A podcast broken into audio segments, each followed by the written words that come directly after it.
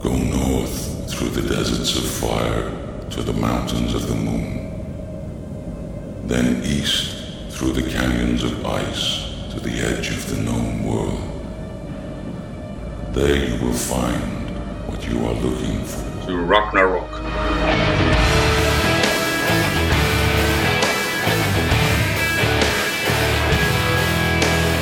God kvöld og velkommen til Ragnarokk og tvar tøymar vi Rotje og Tungmalme. Tver samrøver Askronni og i kvöld. Etter en stek på av høyle tutsjoar kom danskjebøkkeren Mercenary og i fjør loksens vi nutjardi utgavo Soundtrack for the End of Times. Vi tåsa vi sangaran Rene Petersen om esa åttande utgavona tja bøkkjenon ur Aalborg. Tommy Kaivasari, gitarleikaren i finska tungmomsbaltjen non Amorphis, hever vi listanavn non Bjørsko, let jord hånd fyrst og solo-ugav og syna, Heart Rot. Vi prata vi Kaivasari om ugavna.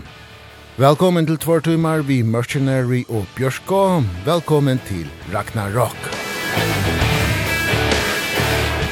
Hvad så alle sammen? Det er René for Mercenary, og du lytter til Ragnarok! Yes!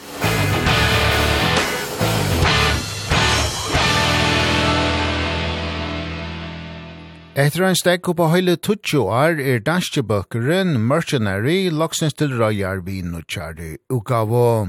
Soundtrack for the End of Times var utgiven 22. september i fjør. Hette er 8. ugava torra, så gjerne stånanina i Aalborg i 1900 og 1,5. Årsøkjenar er fløyre til at så langt tog er fra lien, nukje limer er komner opp i bøltjen, og limen er hava finnje bøtten, og anker hever reisne sanast og arne veri under langre lestre. Og i samband vi at Soundtrack for the End of Times veri utgiven, hava vi finnje åri av sankaran og bassleikaran René Pedersen.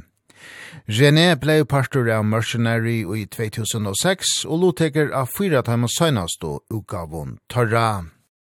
Arne, vi koma til sjálva vittjerne av Soundtrack for the End of Times, gjever René okkunaina sjálta joknungongt av søvane tja mercenary fra stånanene i 1900 og 1995 og fram til i dag. Jamen, uh, Mercenary er jo et, et, et, et gammelt band, kan man vist godt sige uden at... Altså, det er ved at være et, et band, man over på bagen, og bandet startede jo ud som... Uh, som et døds thrash band, dødsmetalband faktisk i sin tid, og så blev det lidt mere thrashet og havde nogle elementer af noget Machine Head og lidt det eksperimenterede lidt med nogle forskellige nuancer.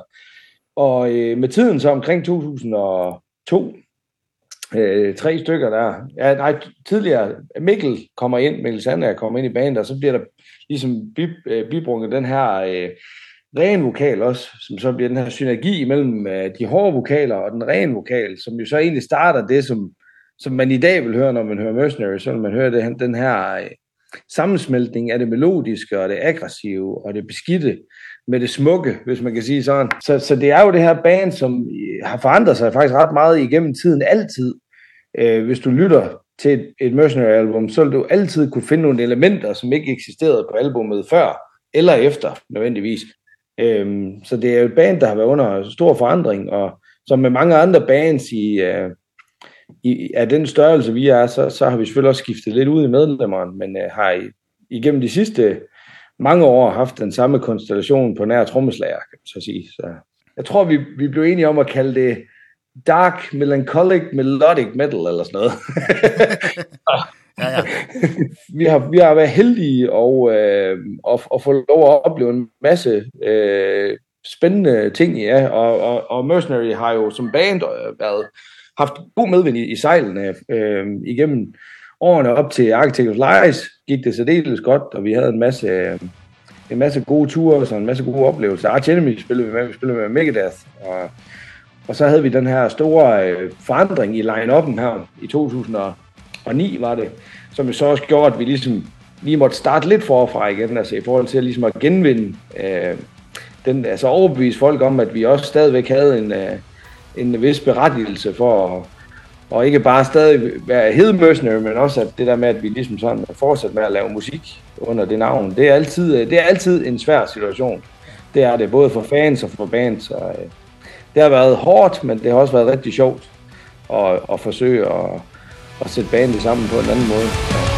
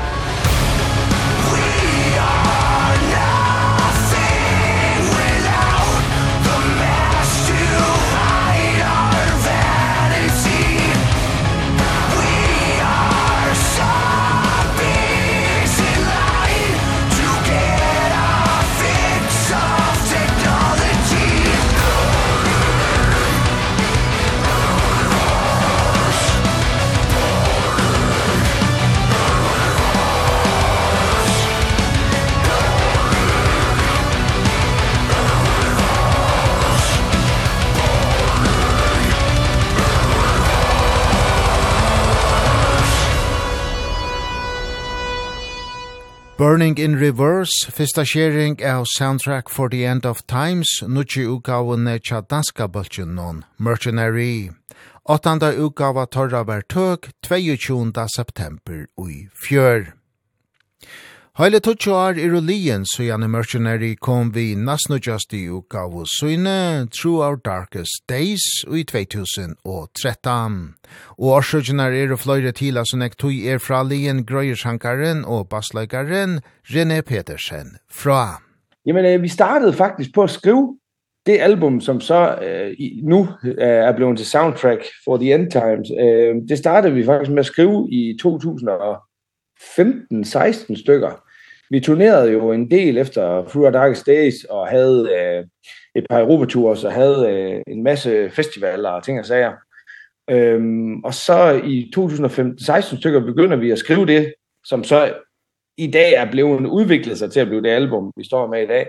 Øh, så rendte vi ind i nogle interne øh, sådan problematikker i bandet med trommeslageren, som... Øh, Øh, Peter er en fantastisk fyr, øh, som, som øh, vi egentlig har haft rigtig, har haft rigtig mange gode år med i bandet der. Øh, der var nogle kreative øh, forskelle, som gjorde, at det var svært at komme i mål med, med nogle ting.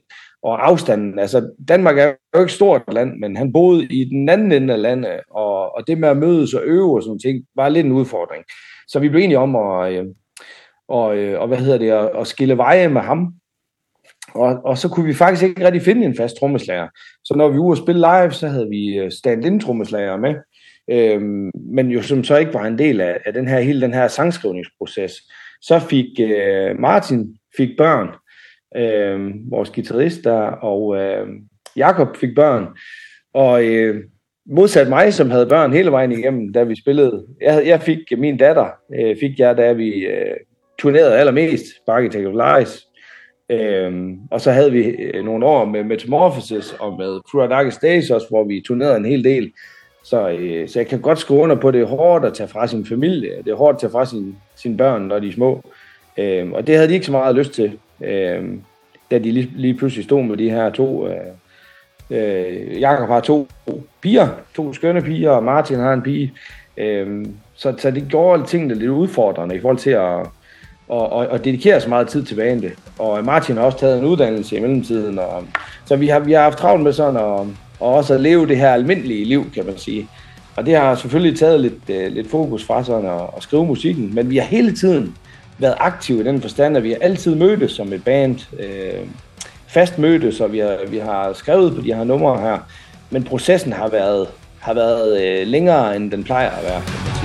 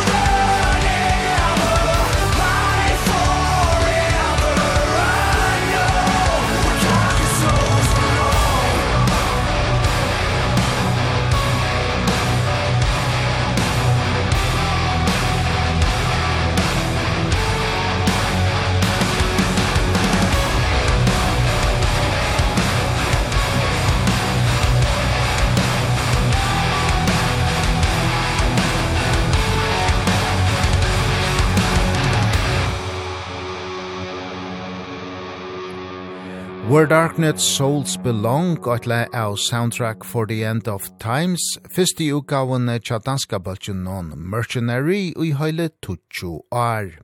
Åttanda utgava torra var tøk 22. september ui fjør.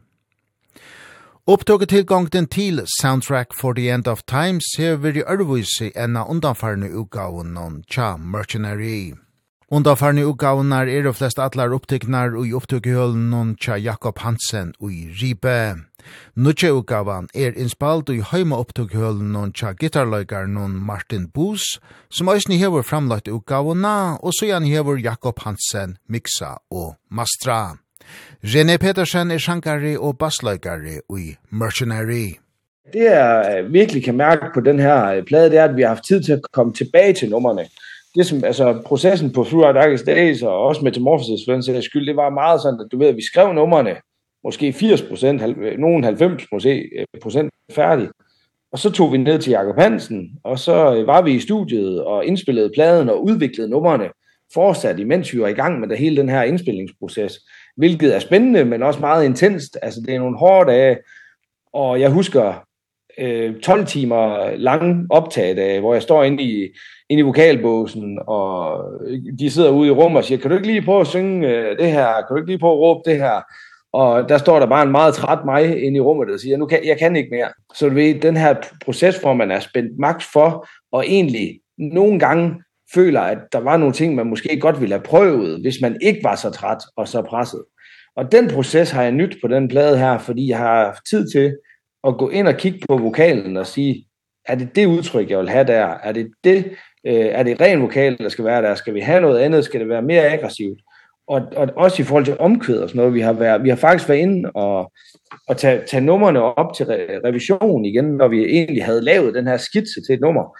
Så har vi haft god tid til at, ligesom at, at, at, at være inde og vende og sige, jamen, er det det stærkeste, vi kan, vi kan bringe til bordet på det nummer her. Og det synes jeg har været fedt. Jeg har svært, vi havde utrolig svært ved, da vi øh, skulle vælge numrene til pladen, øh, og vurdere, om der var nogen, der ikke skulle være der på.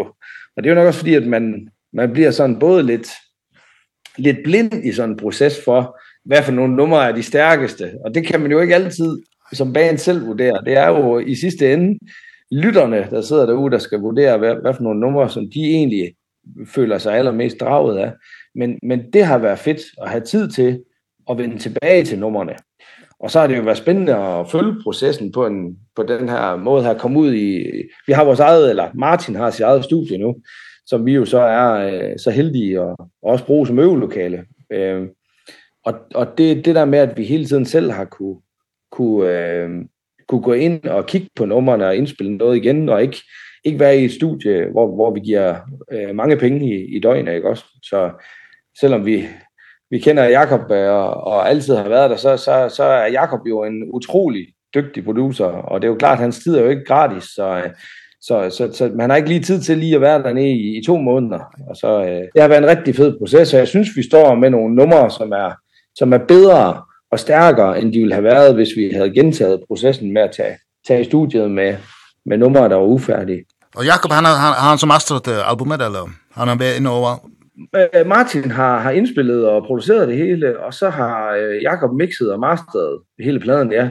Og der var vi også nede ved Jakob og øh, og og var en del af den her proces. Så så vi tog ned til Jakob og var og var med til ligesom at at færdiggøre den proces i forhold til at blive enige om hvilke elementer skal der være fokus på i de forskellige stykker og sådan noget. Så, så det, jo, det har jo været dejligt. Vi, øh, jeg tror ikke, at vi kunne undvære Eh det, kunne, det kunne vi ikke. Vi kunne ikke undvære Jakob Hansen i hele den her konstellation. Han er så stor en del af, at at den mercenary-lyd, som man efterhånden er ved at kende ikke for, for vores plader.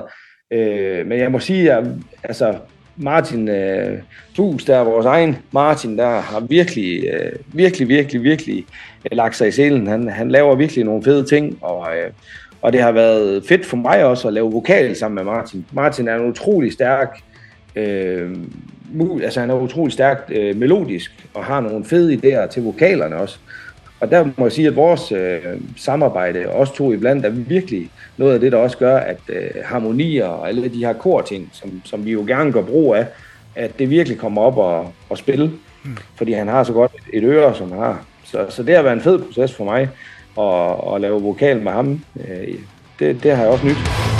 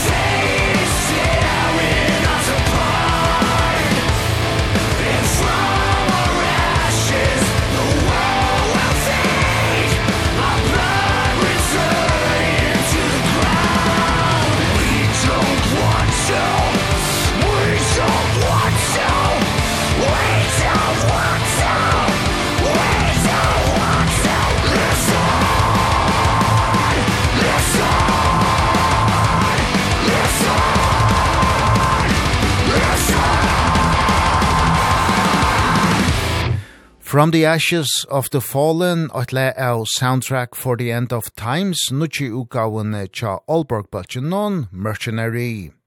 22. september i fjør var mulig at okna sær 8. studieutgave, Torra. Ein gestasankare er vi av soundtrack for the end of times. Matt Heafy ur amerikanska bøtjen non Trivium, Luteger Alanon, Heart of the Numb. Sambandi og i middelen Hifi og Mercenary byrja i fire mongonar, så Janne grøyer René Petersen fra. Jamen, uh, historien med Mercenary og Matt, det, det starter jo egentlig før, at jeg overhovedet kom med i bandet for mange år siden på, uh, jeg tror det var på, uh, nu, nu, nu må gutterne rette mig, hvis det, jeg tror det er Summer Breeze, det var i hvert fald en europæisk festival, hvor, hvor at uh, Mercenary havde lige udgivet Eleven Dreams, og uh, møder det her meget unge amerikanske band, eh som, eh som var fans af Eleven Dreams-pladen, i hvert fald. Eh og det var så Trivium. Og på det tidspunkt var der ikke nogen af gutterne i bandet, der vidste, hvem Trivium var endnu. Det blev vi så sandelig klar over meget kort tid efter, vil jeg sige.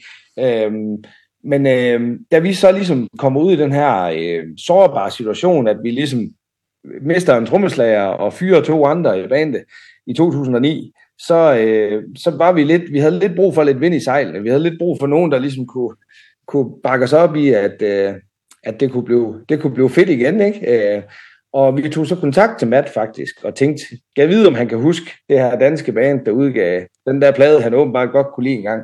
Ehm og det kunne han, og han blev øh, mega altså han var mega positiv over at vi henvendte os. Og vi aftalte så at skulle sende det her øh, album til ham, med, som så var Metamorphosis. Og øh, jeg tror aldrig, vi har fået så meget ros i vores liv af nogen før. Han kunne virkelig godt lide det, og skrev den pæneste anmeldelse, og var meget, meget støttende. Øh, sådan, han, han gav så meget støtte til, at vi ligesom kunne, kunne, øh, kunne få nogle gode ord med på vejen. Og, øh, og så har vi ligesom holdt kontakten siden, og han kom også med, med en anmeldelse af Fruit of Darkest Days i sin tid, og nogle quotes, og han også var sød til at komme med.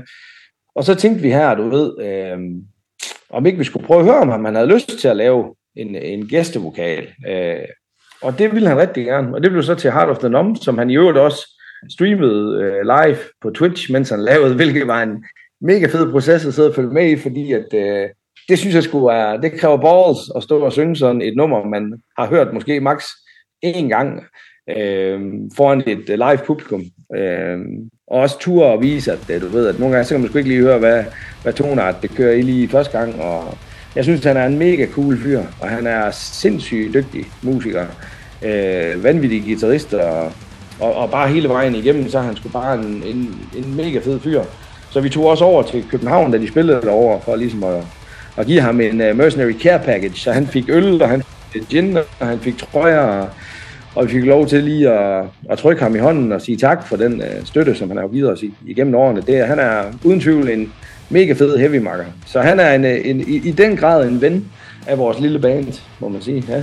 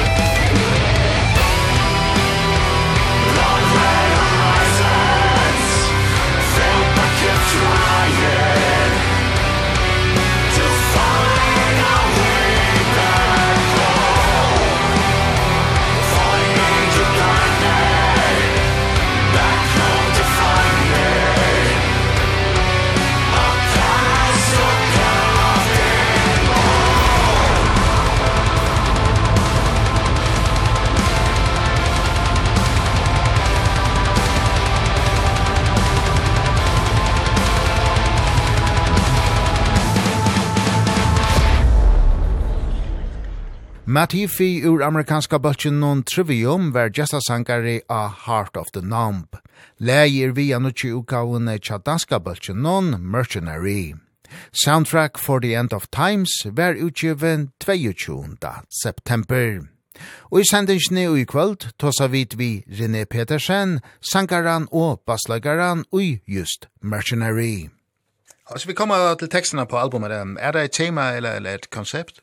altså jeg vil sige tematikken i til dels, altså, som også man kan høre på Anthem for the Anxious, er jo det her med, du ved, at jeg tror, man, man kan genkende det til det som forældre generelt som, som menneske i de tider, vi lever i lige nu, at, at man godt kan være lidt bange for, hvor det bærer hen af. Ikke, jeg siger ikke, at det er ikke, det er ikke dommedagsprofetier, men, men jeg tror, det er frygten, det er derfor, at de har ikke man skal kalde det skræmmekampagner, man ser i fjernsynet, men, men der er jo mange, der sker mange ting, og vi skal selvfølgelig også være bevidste om, at at hvis der er nogen, der slår en prut i den anden ende af verden, så ved vi det også fem sekunder senere. Det gjorde vi ikke i 1988, eller hvad nu, øh, når jeg, altså 82 blev jeg født i. Dengang hørte man ikke alt det her. Øh, så, så der er jo sådan lidt sådan øh, state of panic ikke, på mange punkter i, i nyheder og sådan nogle ting. Så, så mange af sangene From the Ashes of the Fallen, og det her med, at, at når, når vi engang ikke er her mere, så vil, så vil verden igen blomstre, ikke også? Men det bliver så uden os, du ved. Der er nogle sådan en en en en tematik på pladen som som gennemgribende har lidt med den her øh, øh frygt for for hvad bringer fremtiden, både godt og ondt. Ehm så jeg vil ikke sige det er sådan at et, et gennemgående tema, men men det er i hvert fald noget der der, der ligesom kommer igen i i flere af sangene. Og det det er også meget i min egen frygt for for både altså hvad skal der blive af min mine børn og hvad hvad skal der ske og hvad kan man gøre for at øh, at øh, at vi liksom alle sammen. Altså jeg bliver utrolig ked af, at der stadig er krig. At man, øh, at man stadig slår, slår uskyldige mennesker ihjel for, at der kan sidde nogen oppe i toppen og blive rigere. Det, det synes jeg er sørgeligt. Så sådan nogle ting synes jeg, det er noget, der optager mig, mig meget. Ikke? Også den her tanke om, at, øh, at vi på mange punkter, så, så er der i hvert fald nogen, som, som som eh øh, sætter usel mammon det er sådan et dansk udtryk eller man kan sige men øh, over altså økonomi over liv ikke også eh og, og økonomi over, over den verden, vi lever i, og natur og hvad nu ellers. Så, så det er sådan, sådan en tematik, der går igen i hvert fald. Jeg kommer også med et par stikpiller til de her øh, diktatortyper, ikke? også som vi har rundt omkring verden, de her øh, magtfulde ledere, eller hvad vi skal kalde dem, som jo en inderst inde ikke? også altså, er nogle super egoister, som har deres eget, øh, altså, som, som er så øh, altså så fokuseret på deres egen behov og deres egen magt, at de kan slet ikke øh, se, hvor mange mennesker de jo egentlig skader. Det, og, og i øvrigt er de også lige glade, virker det til, ikke også? At, øh, at det er, er blot et middel, altså et, et middel mod deres egen succes, at der er masser af uskyldige mennesker, de skal, de skal træde på deres liv for at komme op på toppen af bjerget. Og jeg tænker bare, at det må være den tommeste udsigt, når man står deroppe på toppen af sådan et, et magtfuldt bjerg og kigger ud på en verden, der bare brænder. Så tænker jeg, at det må være tomt når de når den toppen gang.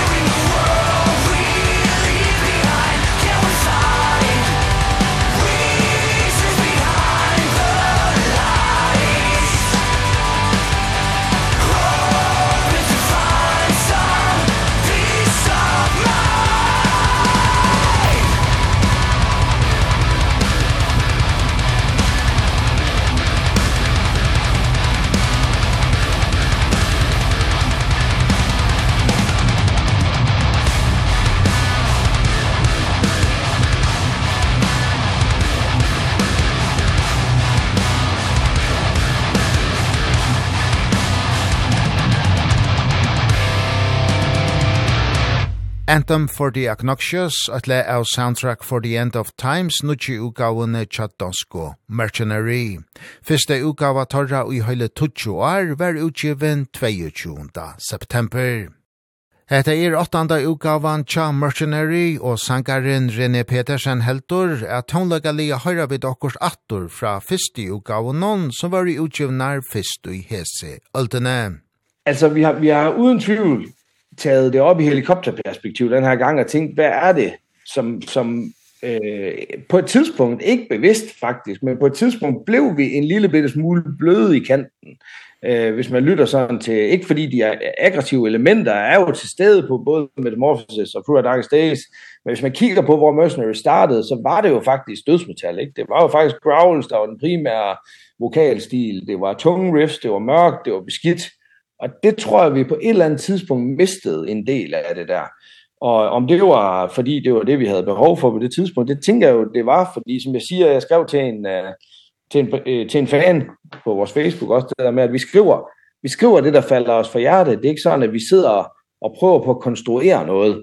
Vi sidder ikke og, og forsøger at, at lave noget, som lyder som noget andet, eller det er meget den her med, at du ved, den her... Uh, øh, følelsesflod, der ligesom vælter ud igennem hænder, og, og, og når jeg synger noget, så er det ofte det første, der, det første melodi, der kommer, der kommer øh, der falder mig for hjertet, når jeg hører et riff, og så, og så arbejder vi videre derfra, og, og så har vi selvfølgelig også gået ind og kigget på, hvad er det for nogle elementer, som, altså jeg, jeg var jo ikke mere end, tror jeg var 14 år, da jeg hørte Mercenary første gang. Og det var jo sådan et, et lokalt band, som, øh, som jeg synes var super spændende og havde en fed lyd og, og skilte sig ud, fordi det var langt mere professionelt end alle de andre bands, der eksisterede, synes jeg, på det tidspunkt her i Aalborg. Ikke? Der var Nemec, og så var der Mercenary.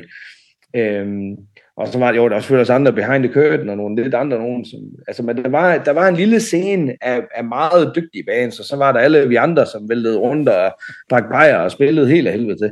Øhm, så jeg blev meget fascineret af, af Mercenary, og, øhm, og det, det som jeg godt kunne lide, altså mit, mit favoritalbum, det lyder, men altså før jeg kom med, der var mit ultimative favoritalbum, det var Everblack. Og jeg synes jo, de elementer, der er på, som jeg elsker allermest, det er de der beskidte growls og skrig, og den der aggressive, melodiske side der.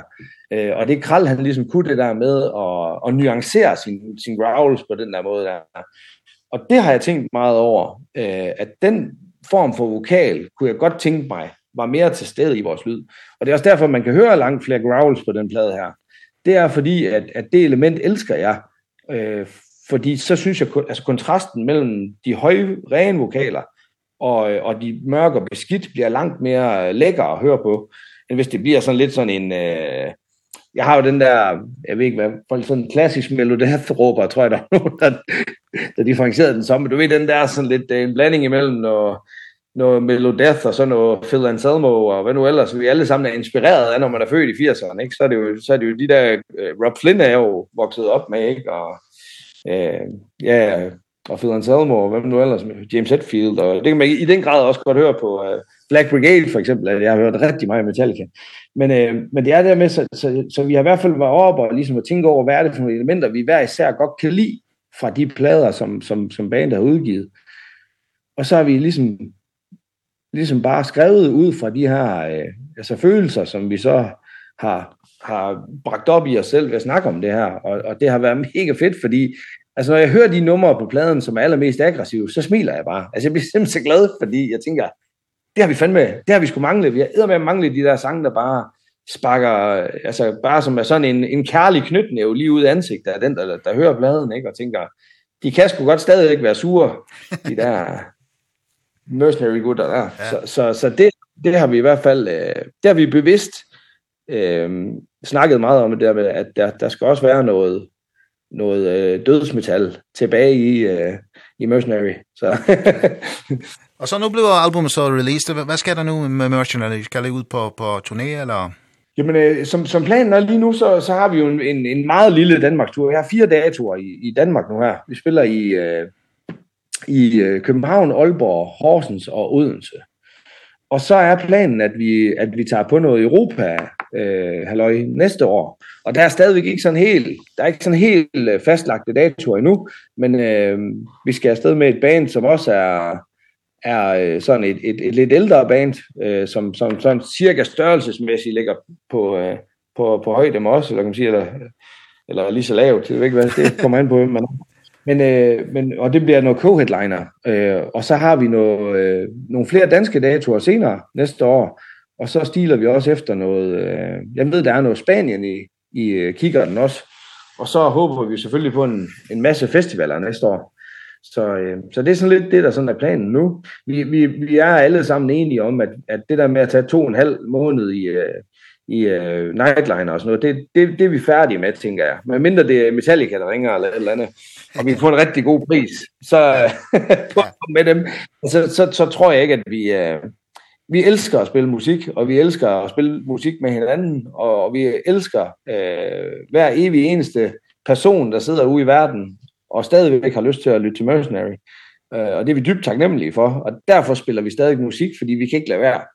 Men vi er også blevet for, for magelige og for gamle til at, eller så gamle er vi jo ikke, men øh, du ved det med, at vi, vi har ikke lyst til at leve i en, øh, i en bus i to måneder. Ja. Så øh, så på den måde så er vi ikke vi er ikke sådan mega sultne for at skulle spille tre måneder lange ture så og 40 koncerter i streg og sådan noget, men men vi glæder os til at komme ud og spille og vi vil forsøge at komme så mange steder hen som overhovedet muligt, så de folk der gerne vil høre os også har mulighed for det. Det vil vi gøre alt vi kan for. Så så vi håber også på at nogle af de spændende tilbud vi har talt med med nogle booker om igennem tiden, at de også stadigvæk er aktuelle, ikke også at der der sidder nogle booker derude der der er friske på at og fokusere i verden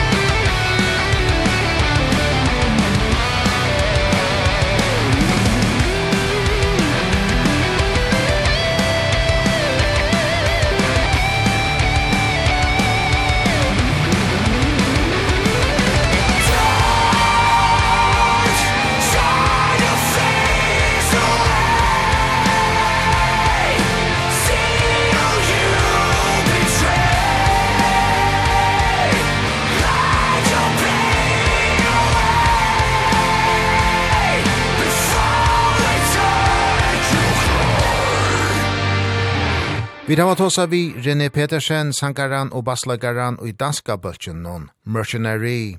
Vi tåsa vi om Soundtrack for the End of Times, som er fyrsta utgava torra og i høyle 20 år. Vi spalte oisne Florilu av oss i 8. utgaven tja bølgen noen ur Aalborg, og nå til søgnast har du vid Blackheart Dead Tissue.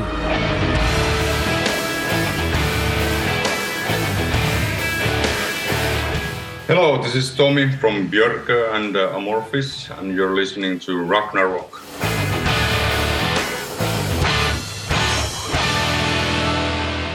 Tommy Koivosari, gitarleikaren i finska tungmannsbaltjen non Amorphis, hever vi listanavn non Björsko, let your jur hanton fyrst og solu gav og syna, Heart Rot. Atreatsar hevur Koivosari finnir røntar tonlagarar og sankarar.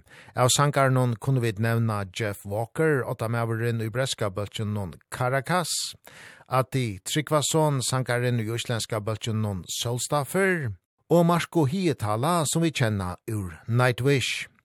Tonlegarnir som er vi er Lauri Porra, basslegaren i Stradivarius, Valtteri Vairunen, tromosloaren i Opet, og ljomborlegaren i Heitria Spacefolk, Janne Lunatovori. Tommy Koivusari hever veri parster av alt sjava tonlegapadlen i iver 30 år, og hos god jeg gjerra enn solu utgavo er ikkje nøyt. Og ta vær koronafarsøtten som gav honom stunder at arbeida vi. Bjørskø well I've been saying this like thinking it 15 years but uh, and uh, I have had like some song ideas in my hard drive and like I never finished them. But of course when the covid time hit and uh we did we had to cancel like 150 shows and had lot, nothing to do and were isolated. And I was uh, like staying in my uh cabin in like middle of the forest with the home studio. So uh I just started to check what I have like some old ideas and also do some new ideas and so finally I had like the time to concentrate that and uh, it started like a snowball and uh, I just started to check things and uh, I didn't have a vision to put it out or anything but then I started to ask from the singers and at that point I was forced to put it out like in a way or, or another. But I didn't have any pressure because I didn't have a record company at that time. So I made it like finish the whole package and mixing and everything. And after that, I started to search if somebody wants to put it out or not. So this is a, a positive thing uh, that came out of, of, of Corona. Well, yeah, if, yeah, I have to look at it that way. Yeah, yeah. There was a... Uh, at when it started I I was like secretly a little bit happy because we had so much touring before that and that was like I, I didn't know obviously. Nobody knew that it will last like 2 years or something. So I thought like okay a couple of months we had to cancel like few shows. I was like okay what can I do? And let's take it as a holiday. But then it just continued and continued. And it started to piss piss us off of, of course but we did the amorphous album at that time and when we did that uh it still was continuing and uh, uh, somehow I felt like very inspired like to do music because of not having gigs every every single evening so uh it felt like good from the uh, after like long time so that was a good part and I'm happy that I made something useful at the time, not just lying in a sofa or something like that. So I did that as well, but something else. yeah.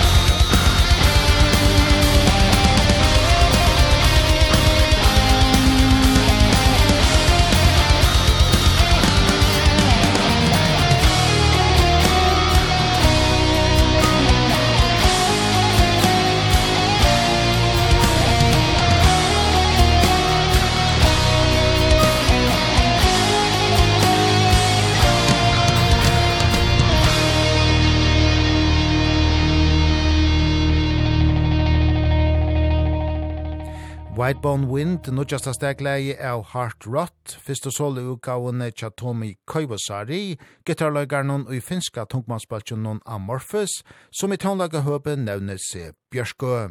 Som gestasangarar har du vid Marsko Hietala, som har drutt tujarskøyver limer og i Nightwish, og Petronello Nettermalm, åtta kvinna og i svenska baltjonon Patos. Vi tåsa i kvöld vi just Tomi Koivosari, alias Bjørskø. And, and what, what is inspiring you when you write music? I think it's the it sounds cliché but it's the nature like it's the if I'm like uh, like now in Helsinki it's different than when I'm like in countryside and uh, it's like totally silence and just the sounds of nature and uh, I think that that's the like uh, best place to get inspired. So uh, I think it's that kind of things and of course the all music that I've been listening during the years and things like that but it's sometimes you feel feel it and sometimes you don't. It's it's hard to like uh force yourself like let's do the song like a day job. Uh some some people can do it but I can't. I'm very like uh, slow making music and I I'm just like just getting stuck to certain place and just like cannot get over it. And then I fed up for the whole thing and I just throw the to wait like a little bit time and then I go back to that and uh, then it sounds like okay it's okay anyway so it's like that with me but uh, I'm very slow. And and it's a very variated album and the songs are very different from each other um, were you completely open in the relation to the songs that were to be included in on the album? When I was first time started to think like releasing like own album someday I was thinking that it should be like uh, like one style or like like a band you know like a certain genre to put it. But uh I couldn't agree with myself like with which kind of stuff should it be. I mean I have so much song song ideas so I couldn't like okay I'm I'm going this way. So I just decide decide to like grab like first 8 or 10 ideas which uh I like and uh, just make them and without pressure and uh, put it like under the one name the Björker name. So uh it it wasn't it it wasn't purpose to put be like a totally different kind of songs but I didn't either have like idea to make them like same kind of uh style. So I just took uh, one one song at the time. And what what do you think is the biggest difference uh, to these songs and the songs you write for Amorphous? I don't know. Uh, it's always when I start to write some song uh, at some at like uh, I started like uh, just put out everything what I want then I start to think like if it's uh, if it, it could it be like amorphous song and if if yes if I see those elements or hear those elements then I start to uh change it a little bit to amorphous direction I don't know what that is but it's just like maybe maybe maybe the instrumentation mention as well like uh, I know what the other guys going to play about to that so it starts from that. But some songs I just can't like imagine to be amorphous songs so uh, these are those kind of songs then. So I yeah, yeah.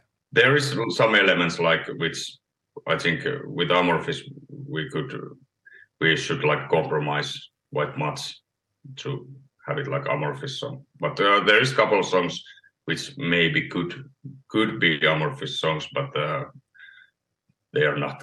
well, it's your own song, and the other, other members do not have any anything to do, yeah, with, do with the songs. Yeah, normally I don't, I don't mean it's a bad thing. I, it's a great thing that everybody brings like own things and it makes the songs richer. But but this time it was fun just to like uh, be the own boss and do it like okay let's do it this way no no compromises. And but of course there's the singers had their own ideas and uh, some of the singers made the lyrics them by themselves and all all the vocal arrangements. So it's not completely like my vision of course. So and uh, of course I gave quite uh, free hands to uh, band the players as well. So uh, I was like trusting them musically so I didn't want to like uh, say like oh no no no play bum bum bum bum bum if there's like good bass player don't I just play said that uh, don't play like I did.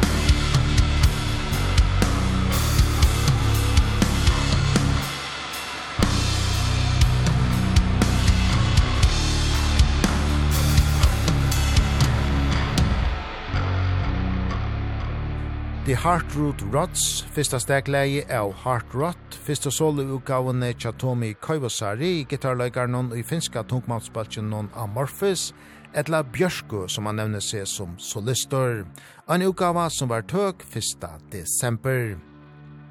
Atreatsar hevur Koivosari finnir røntar tónlagarar, Lauri Porra, basslagaran ui Stradivarius, Valtari Vairunen, Tromosloaran i Opet, og Ljomborløygaran i Hydria Spacefolk, Janne Luna Tvori.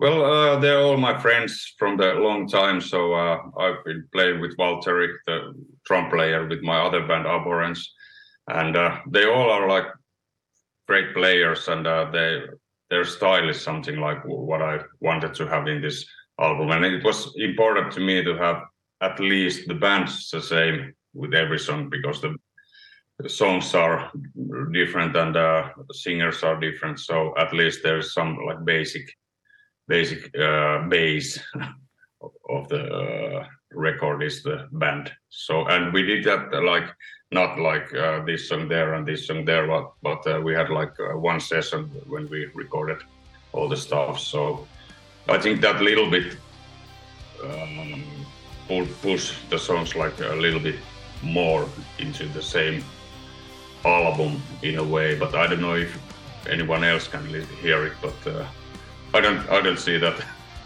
many differences in in the end because they're still like, like the band band songs in a way. You said your heart was broken how the promises softly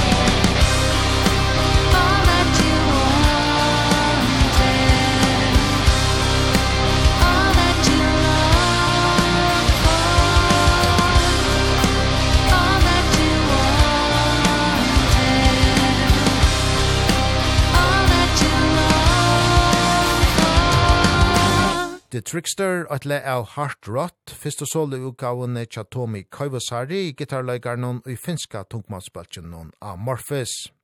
Som solister nevner han seg Bjørsko, og utgavan var tog 1. desember. Som gesta sangara har du vid Jesse Frey, som er kjent som åtta kvinna og i finska tungmannsbaltjennon Velkra. Og til er, Anrikva er av gesta vi av Hart Rott. Vi tar av hørt Marsko Hietala, Petronello Nettermalm, Jeff Walker og Jesse Frey. Av Ørnum sankaron kunne vi nevna Atta Tryggvason, åtta mannen og islenska bøtjen non Solstaffer, Tommy Jutsen, som Tommy Koivosari daglige spiller saman vi og Amorphis, finska rapparan Mariska og legendariska finska sankaran Ismo Alanko.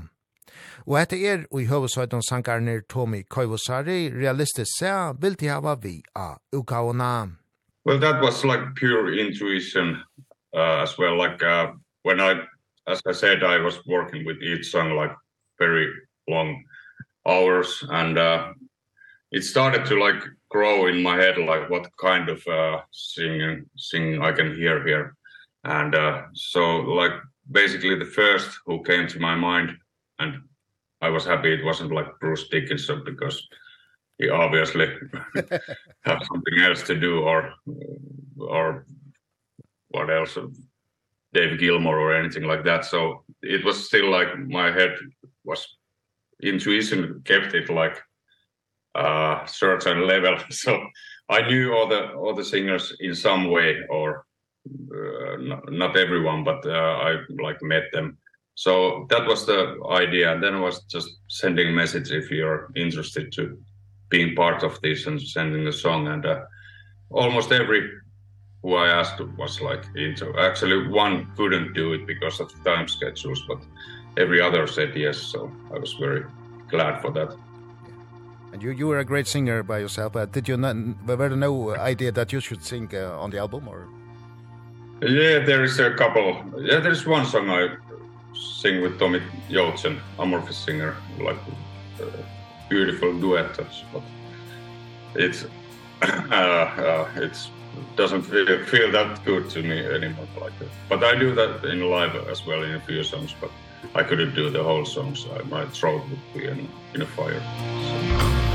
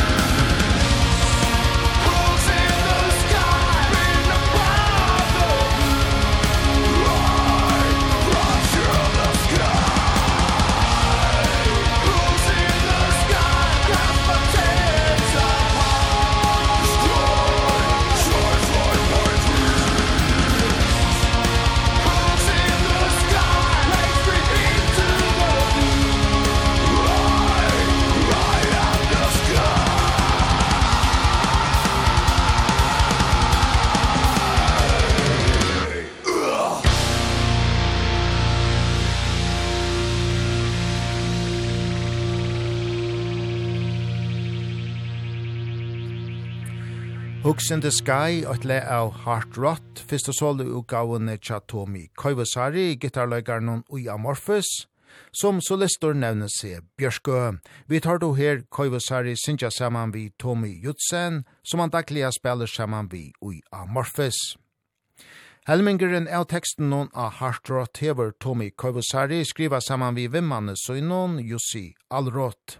Mian helten er skriva vår av Sankarnon som sinja, middelen anna er teksteren tja Atta Tryggvasini, Veka Loka av Uslenskon. Uh, first I was uh, asking Jussi, old friend uh, and uh, bass player of Abhorrence to if he's interested to write lyrics because uh, I cannot do that. Uh, So uh, we just like chat and listen to the instrumental versions of the songs and uh, I told him like what what kind of feeling I have in this song and blah blah blah and we were like uh, like just having a conversation about that and uh, ba based on that he was writing the lyrics and uh, I did he think uh, great job. I think he like he did more than I was even imagining but uh, then uh, with every singer I was offering as well the chance like having our made or uses made lyrics or write their own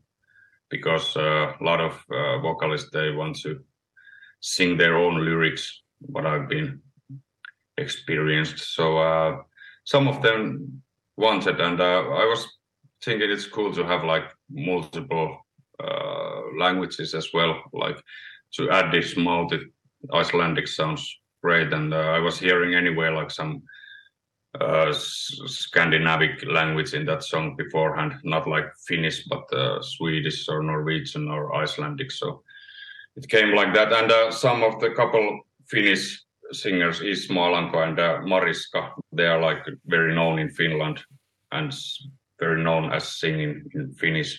So it was like quite quite obvious that uh, they would do their songs in Finnish as well. So that was one thing which I was like not getting any pressures to put it in a certain way as well. So And they got got free uh, space to work with the lyrics or did you send them some ideas what the lyrics should be about or No, I think they all are like uh, very they're great what they are doing so I don't I didn't want to like get involved for that business as well.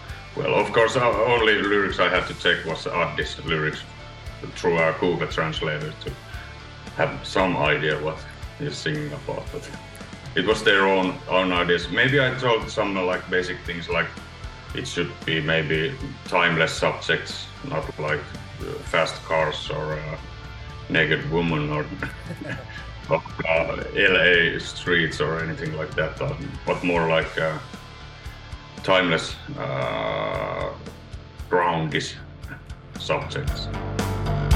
I'm still far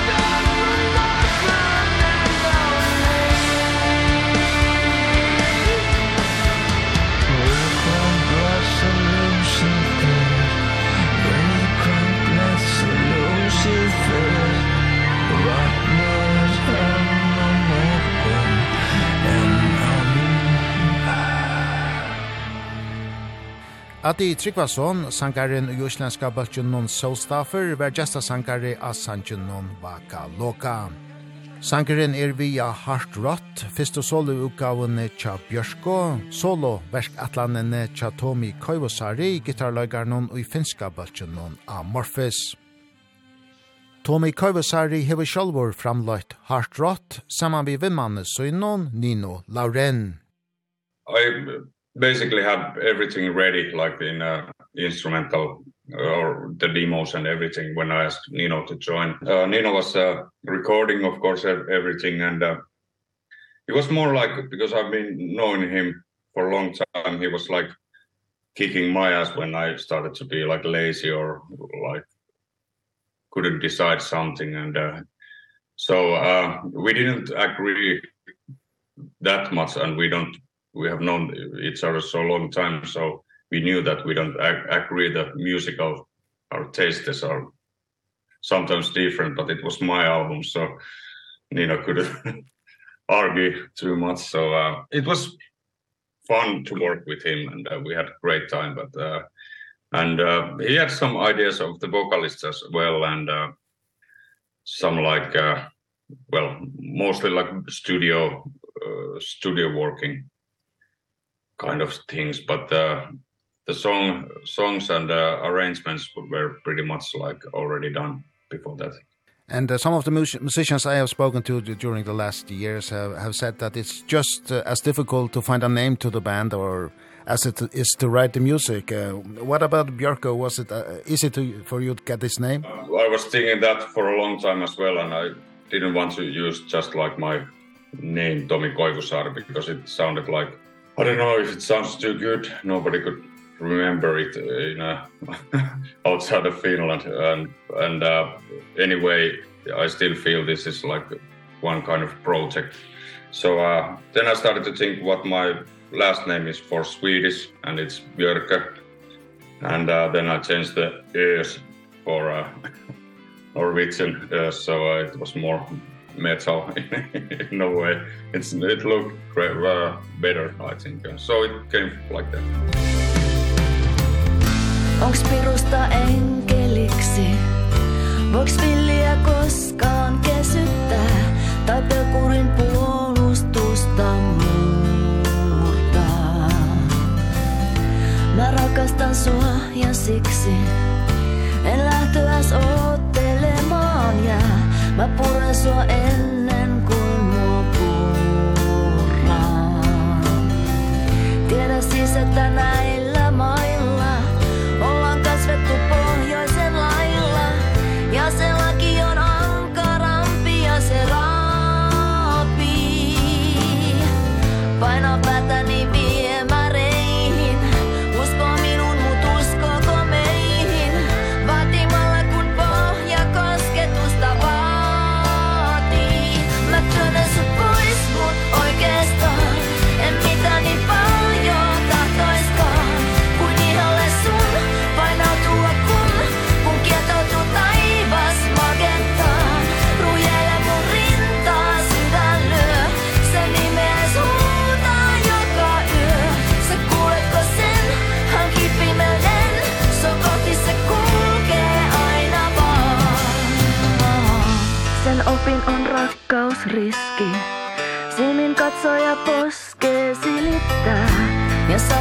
sum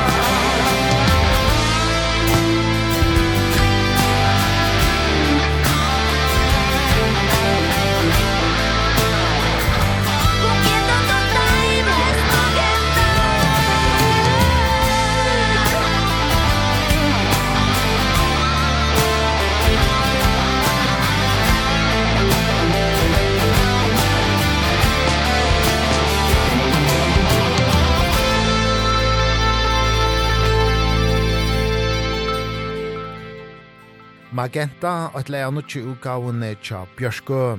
Hart Rott, fyrsta solo-utgavan tja Tommy Koivosari, gitarløygaren Uja Morfus, vær tog fyrsta desember.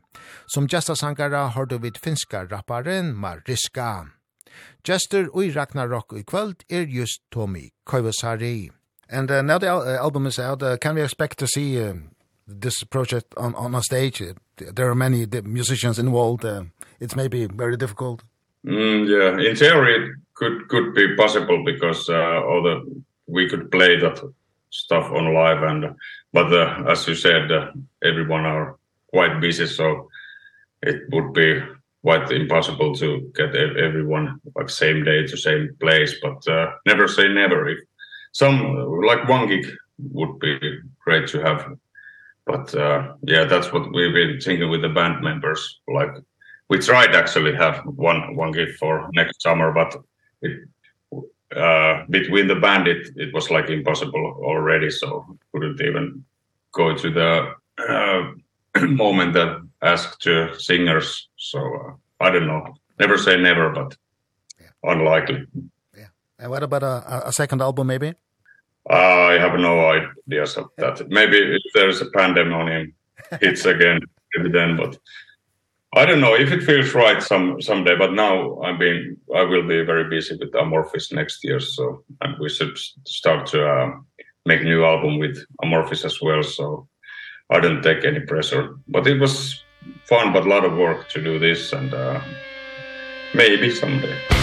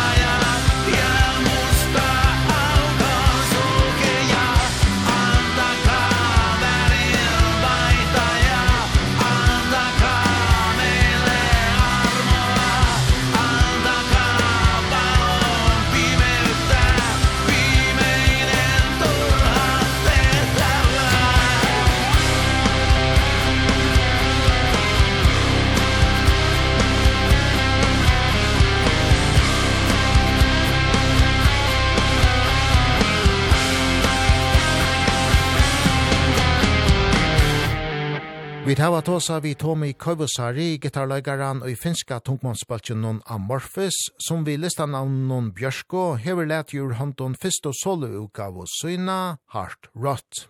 Flore gesta sangarar er via ukaone, og nu til søgnast har du vid legendariska finska sangaran Ismo Alenko vi Verin Vai Taja. Om du hever omkra vi mersing etla vil vita møyre om sendingsina, er møvuløytje er for en av Facebook-kvaltjen tja Ragnarok. Her finner du playlistar og anna tilfær. Møvuløytje er òsnja tøyre hesa og undanfarnar sendingar av høymasuju okkara kvf.fo framskak Ragnarok. Ragnarok er atra skronni om anna viko vi samrøvun og nutjon. Taunløytje! Brestjebøkkeren Magnum kom 12. januar vi 23. utgav og syne Here Comes the Rain. Utgavan gjørtest særlig tog 20. januar sunnedagen æren utgavedagen andaist gitarløkeren og lesskriveren ui Magnum, Tony Clarkin, 24 Ara Gamal. Vidur Ragnarok høtte avtale og viklarking om samrøve og i samband vi at Here Comes the Rain var utgiven, og tann samrøven blei tyverri av omgånd. Fyrir at heira Tony Clarken enda vid sendingsna i det, vi har spela trullo av Here Comes the Rain. Fyrst heira vid Run into the Shadows, så gjerne høyte sanjen Here Comes the Rain, og vid enda vi After the Silence. Don't want to